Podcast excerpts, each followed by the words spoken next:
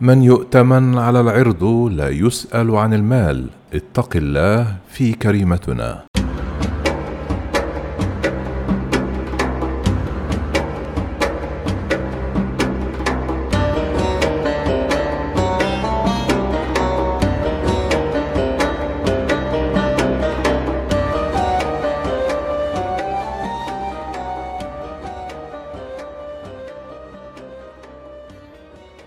حالة من الجدل الواسع شهدتها مصر على مدار الأيام الماضية بسبب قائمة وذلك بعد رفض والد عروس في محافظة الدقهلية كتابة قائمة منقولات لابنته مكتفيا بعبارة من يؤتمن على العرض لا يسأل على المال تلك العبارة أشعلت مواقع التواصل الاجتماعي على مدار الأيام الماضية بين مؤيد لموقف الأب ومعارض له.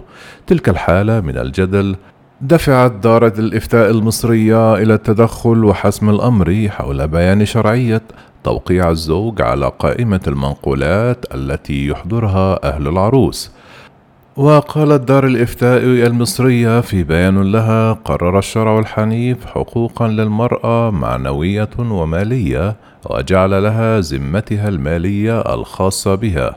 وفرض لها الصداق وهي صاحبة التصرف فيه وكذلك الميراث وجعل من حقها أن تبيع وتشتري وتهب وتقبل الهبة وغير ذلك من المعاملات المالية ما دامت رشيدة شأنها في ذلك شأن الرجل.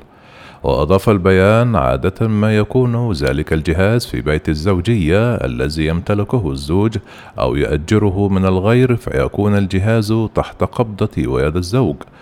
فلما ضعفت الديانة وكثر تضييع الأزواج لحقوق زوجاتهم رأى المجتمع كتابة قائمة بالمنقولات الزوجية أي قائمة العفش لتكون ضمانا لحق المرأة لدى زوجها إذا ما حدث خلاف بينهما وتعارفوا أهل بلادنا على ذلك.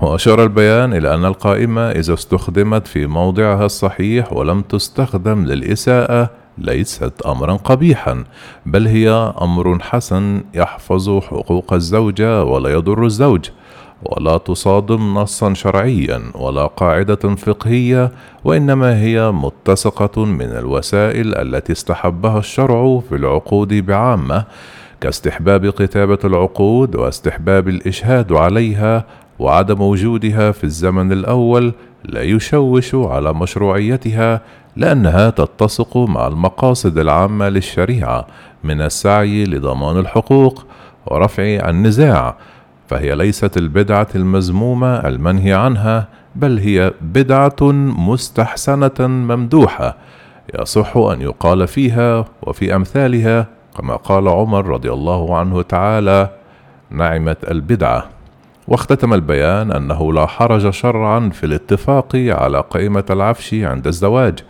ولا بأس بالعمل بها مع التنبيه على عدم إساءة استخدامها.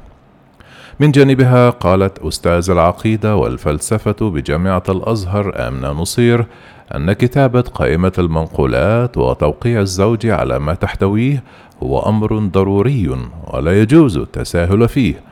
وأن ما فعله والد عروس الدقهلية من رفضه كتابة قائمة منقولات هو تفريط منه في حق ابنته. وأضافت نصير في تصريحات خاصة أن قائمة المنقولات هي ضمان لحق الزوجة ولكن بشرطين. أولهما الابتعاد عن الشطط وعدم المغالاة. أما الشرط الثاني هو تحقيق الاتزان والتوازن حسب ما دفع لها من مهر وإضافات من قبل أهل العروس وأردفت أستاذ العقيدة بجامعة الأزهر. لا يجب أن تقسو على الزوج وكذلك يتحقق من خلال كتابة حقيقية ما تم دفعه أو شراءه دون زيادة.